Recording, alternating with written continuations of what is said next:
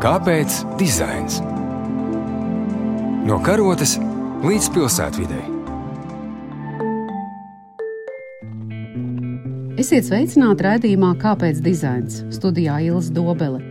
Ministra kabinets piešķirot balvas izcilām personībām šogad to pasniedz arī Valdim Celmam par ieguldījumu Latvijas mākslas un dizaina attīstībā – Ministra kabineta balva ir Latvijas valdības augstākais apbalvojums, nākamais aiz trīs zvaigžņu ordeņa. Ko valda celma acīm atklāja rūpnieciski ražoti materiāli un to savienošana, un latviešu zīmes un raksti, kurus mākslinieks tik daudz pētījis. Jautāsiet, kas ir vienojošais, to unikalitāte kā katram vienumam, vai arī to savstarpējā savienojumā, to šķietami neierobežotās kombinācijas? To jautāju māksliniekam.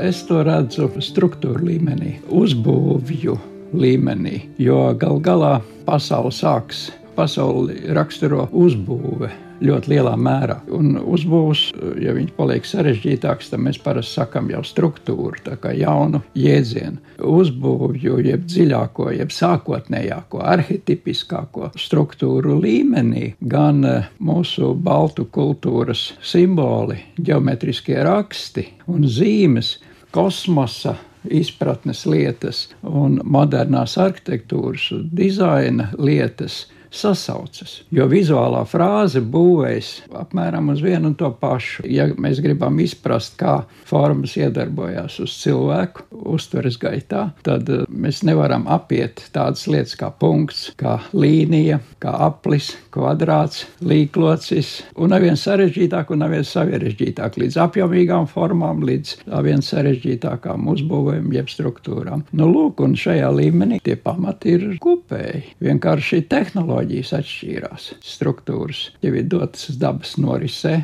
Viņas ne tik daudz izgudroja, cik atklāja apli Tad, kad jūs esat strādājis ar šīm formām, ir bijis kāds varbūt vienojošais un joprojām ir tāds virsmērķis, ko jūs esat vēlējies pateikt skatītājiem ar saviem mākslas darbiem? Es gribēju pirmkārt pats pārliecināties, vai tā ir, un tad, kad es pārliecinājos, ka tā ir, pateikt arī skatītājiem, ka mūsu senā kultūra un mūsdienu kultūra nav jānodala. Mūsu mantojums nav kā ķirzaks ast, kas jāatstāja, un tagad viss sākās no nulles, un viss sākās no jauna, un uh, nekas iepriekšējais nedara ir tieši otrādi. Tā vērtība un tā dziļākā jēga atklājas tad, ja mēs, protams, attīstītu seno pamatu mūsdienu tehnoloģisko iespēju un vajadzību līmenī, mūsdienu domāšanas līmenī, bet turpināt. Mēs kā tauta, kā latvieši, kurai ir valsts, esam salīdzinoši jauna tauta, tāpat kā vairums Eiropas tautu, ja? bet kā senā mantojuma īpašnieki, kā balti, mēs esam ārkārtīgi sena tauta pasaules līmenī. Būtu absolūti muļķīgi muļķība šo seno mantojumu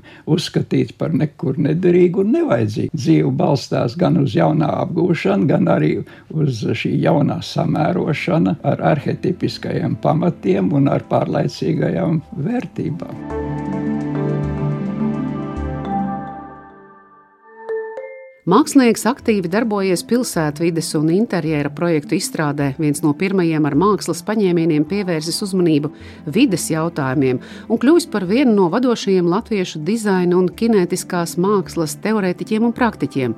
Kāds ir valda cēlma devums? Stāsta dekoratīvās mākslas un dizaina muzeja kuratore, mākslas zinātniece Irēna Bužīnska.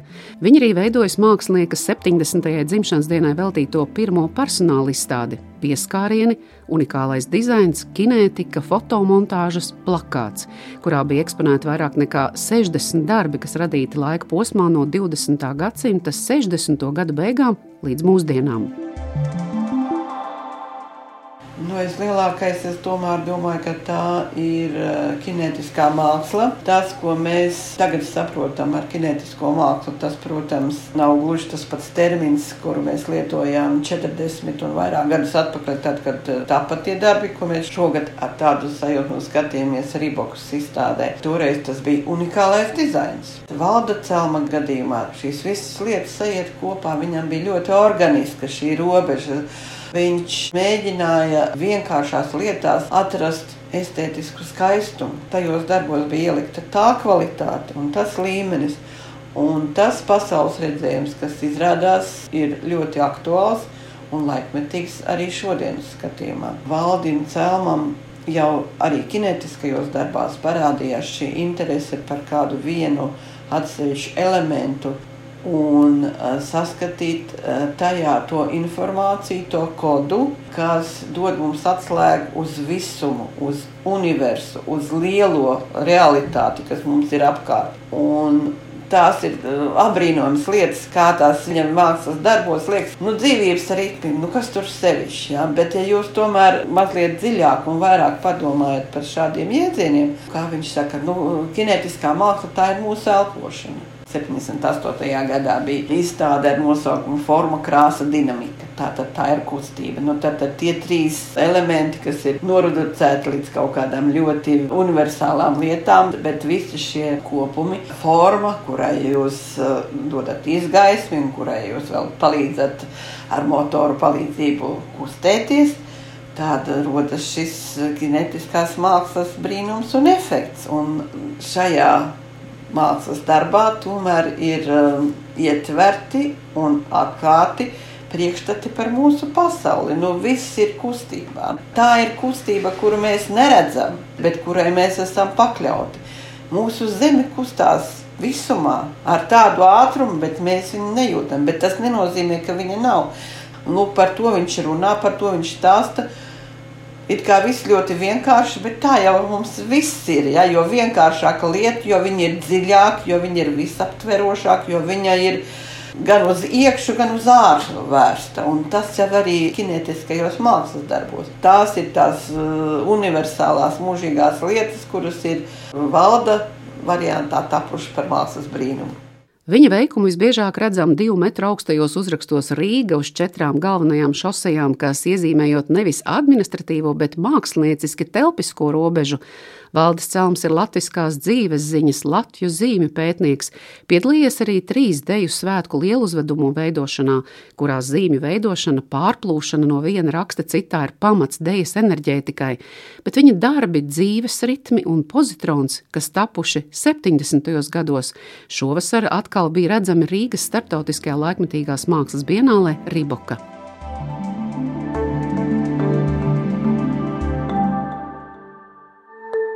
Viens no darbiem, ko jūs pats uzskatāt par nozīmīgākiem, ir šis pozitrons. Kas ir pozitrons? Vārdam pozitīvs kultūrā un sadzīvē ir tā laba nesošā nozīme. Tas nes kaut ko labu. Ja mēs sakām pozitīvas enerģijas, vai pozitīvs cilvēks, pozitīvs iespējas, tad mēs gribam pateikt, ka tas bija kaut kas labs. Un, ja mēs sakām negatīvs, tad tas nozīmē jau vārdoši, postoši, labāk nevajag attālināties no šādiem spēkiem. Nu, lūk, un šī vārda arī kultūras jomā esošā semantika mani ļoti savaldzināja, un es ieraudzīju, ka šeit ir tāds tilts veidojis, ka mums arī no pasaules šīs jomas tēli, ja no tehniskās kultūras, kultūras, no zinātnes kultūras, no analītiskās kultūras. Mēs varam ienest iracionālajā, tēlēnajā, nu, mūsdienu kultūrā tādas jēdzienas, un viņš jau darbojas kā simbols. Uzreiz bija nodoms paņemt šo lielo mērogu, gan elementāra daļiņa, gan visums kā kopums, neko neilustrējot. Kā jūs pats jutāties šovasar, kad jūsu darbi bija izstādīti Ribokā? Vai tas nebija tā neparasti? Savā ziņā, protams, tas ir unikāli, jo 70. gados jūs jau redzējāt to, kas faktiski ir laikmetīgs un mūsdienīgs arī tagad. Situācija, jeb sajūta bija mulsinoša. Tad es centos paskatīties uz visu no malas, un uh, man šķita, ka pats šis uzaicinājums piedalīties Bienālē un arī novietojums izstādes telpā, kur šie darbi bija novietoti, rādīja to, ka šīs idejas un šie tēli ir vajadzīgi mūsdienu skatījumam lai apjaustu, kas notiek. Tādās pārejas situācijās ir svarīgi atgriezties pie tādiem sākotnējiem pamatiem. Nevis tvert, kas atkal ir pats pēdējais kaut kur izgudrots un pēdējā teorija, kas ir pateikta. Nu, es nonācu tādā kā ideālā pasaulē, kur manas idejas tika gan uzklausītas, gan vērtētas atzītas par labu un vajadzīgu esam, un es varēju savus ieceres un tēlus realizēt, nu, jāsaka, maksimālā veidā. Jūs pieminējāt vārdu pārējas periods, jūs pieminējāt parādīt to, kas notiek, kas šobrīd ir jāparāda māksliniekam, sabiedrībai. Man vairāk gribas runāt intuitīvi, neracionāli, jo tieši mūsdienu problēmas, manuprāt, ir pārspīlēta racionālisma rezultāts. Ka mēs visu, ja kas tas ir mēs, nu, tā cilvēks daļa, kas uzņems vadošo lomu pasaulē, tā visu mērī tikai materiālos iegūmos, naudas iegūmos, resursu un varas iegūmos. Ja? patiesībā nonāk līdz tādam šīs attīstības galējai stadijai, kad tas nedod vairs rezultātu. Jo vairāk vieni grib visu globalizēt, jo vairāk cita cilvēks daļa redz, ka tas ir attīstības viens no grāvjiem. Tas nenozīmē, ka mums vajadzētu tagad meklēt otru grāvi, ja, bet atkal nostāties uz ceļa.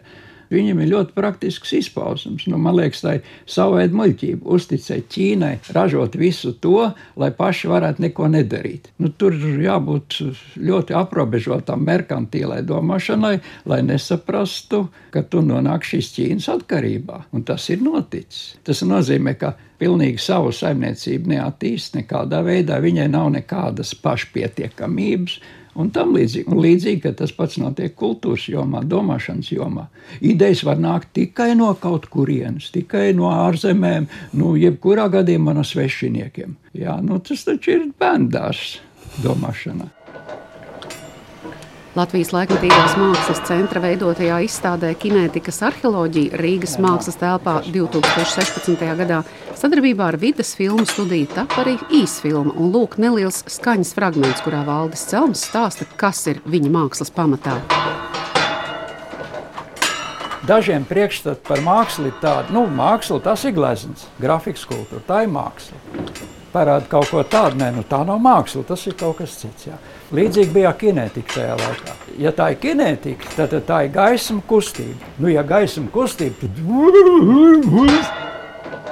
Ja tu vienu ideju paņem citā mērogā, citai funkcijai, ja, viņš atklāja to, kas tur nav paredzēts, ja, bet kas tur kā zīmē vienmēr pastāv.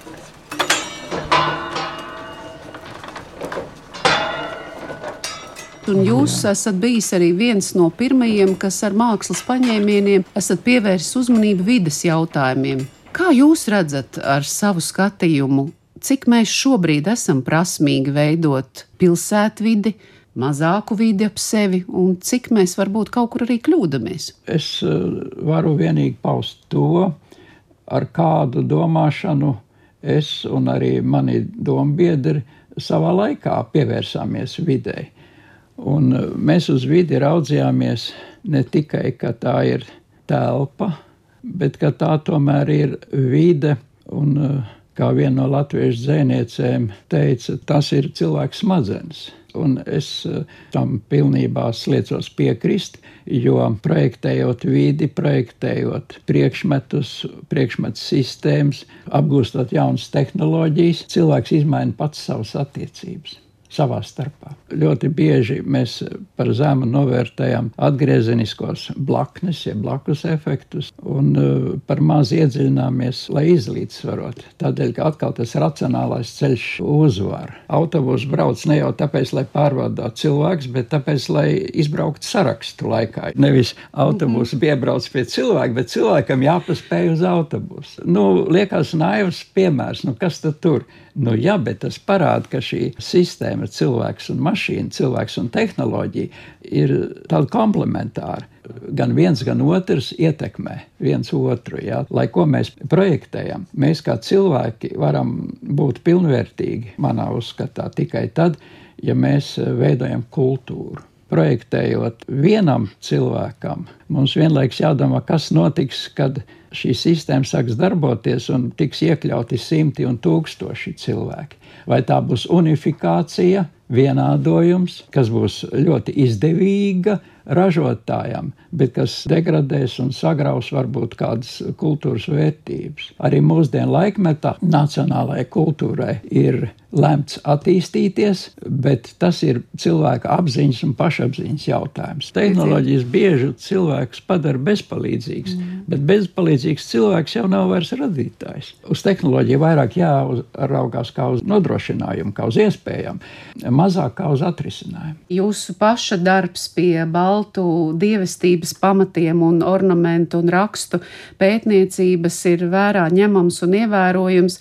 Ko jūs redzat šajos ornamentos un, un rakstos, kurus mēs mūsdienās tomēr ļoti daudz patērējam?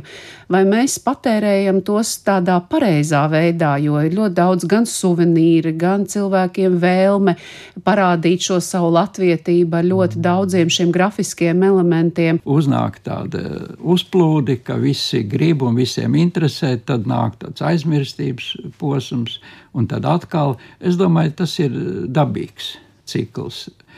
Otrs, starp daudziem labiem risinājumiem, ir arī ļoti, ļoti daudz mākslinieciski apšaubām risinājumu.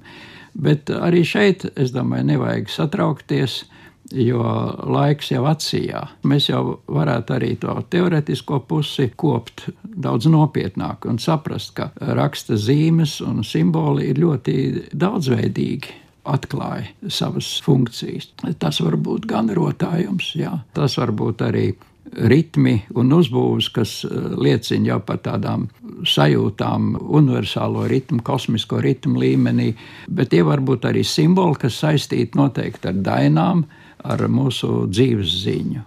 Mums vajadzīga gan zināšanas, gan amata prasmes, gan mākslinieciska intuīcija un jaunrāde. Jā. Zināt tradīciju un prast viņu noturēt, un vienlaikus prast viņu attīstīt. Nu, ko te daudz piebilst? Nu, mm -hmm. Vispirms jāstudē ir mantojums. Šajā jomā nu, noteikti nevar. Saka, es esmu latvietis, es sevi pieskaitu pie latviešiem, tad viss, ko es daru, noteikti būs latvisks. Nu, kaut kā nesanāk vienmēr. Jo mēs jau neapjaušam arī uh, citu iespaidu klātbūtni. Pie tam nevienmēr citi iespaidi ir uzreiz uh, jāuztver kā slikti, bet arī tikpat lielā mērā viņi nebūtu nav jāuztver kā labi. Viņus ir jāvērtē.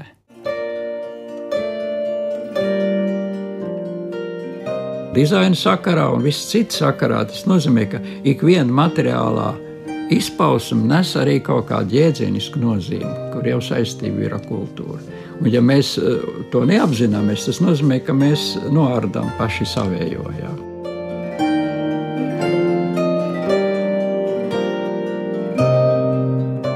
Ko jūs vēlētos eh, pateikt par šo mantojumu, kas mums tagad ir, par pašiem savu brīvu valsti, cik mēs esam rūpīgi to kopt, uzturēt? Būtībā vēlējumi Latvijai jau veidojas no mūsu kopīgā darba, no mūsu pašu apņēmības turpināt to, ko mūsu senči ir iesākuši. Mēs esam šī senā baltu kultūras, latviskā ozola, zaru galotnītes, tās dzīvās lapas, kas uztver visu, kas notiek šeit un tagad. Un saknes ir tās mūsu baltu centautas. Ir jautājums mums pašiem Kā mēs apzināmies šo savu piedarību, jautājums mums pašiem, vai mēs gribam dzīvot kā kultūras tauta. Tas nozīmē tātad veidot kultūru un būt radītāji, un būt par radītāju tas ir atrasties dievišķās esmas stāvoklī. Vai mēs gribam būt kā patērētāji, svešas kultūras un svešu vērtību patērētāji, un tad mēs nonākam līdz tādam, nu, es nezinu, tādu kurmīšu līmenim. Jā.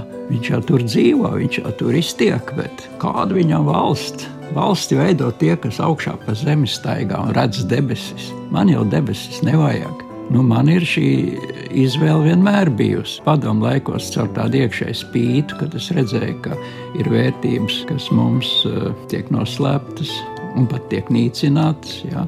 Acīm redzot, tās ir iepriekšējām varām bijušas bīstamas. Jā Un tad vēl jau vairāk es šīm vērtībām sāku pievērsties. Un tad es ieraugu, ka šajās vērtībās ir iemiesota man tēva, man vectēva, mūsu līdzcilvēku, daudzu simtu un tūkstošu cilvēku. Ne tikai likteņi, bet arī ideāli un sapņi. Tad vai te vēl kas jājautā?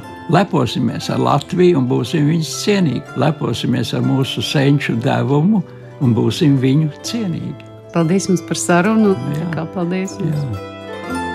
Vērtības piešķir jēgu ikdienai, vēl papildina Valdis Celms. Tas nenozīmē, ka ikdiena nepazudīs, būs jādarbojas, bet pārlaicīgās lietas atbild, kādēļ tas viss. Lai mums visiem izdodas sekot vērtībām, kas dod jēgu katram darbam. Radījums izskanējis, to varat klausīties arī ierakstā un podkāstu aplikācijā. Skaņu montē Judīta Bērziņa, studijā Ilas Dobele.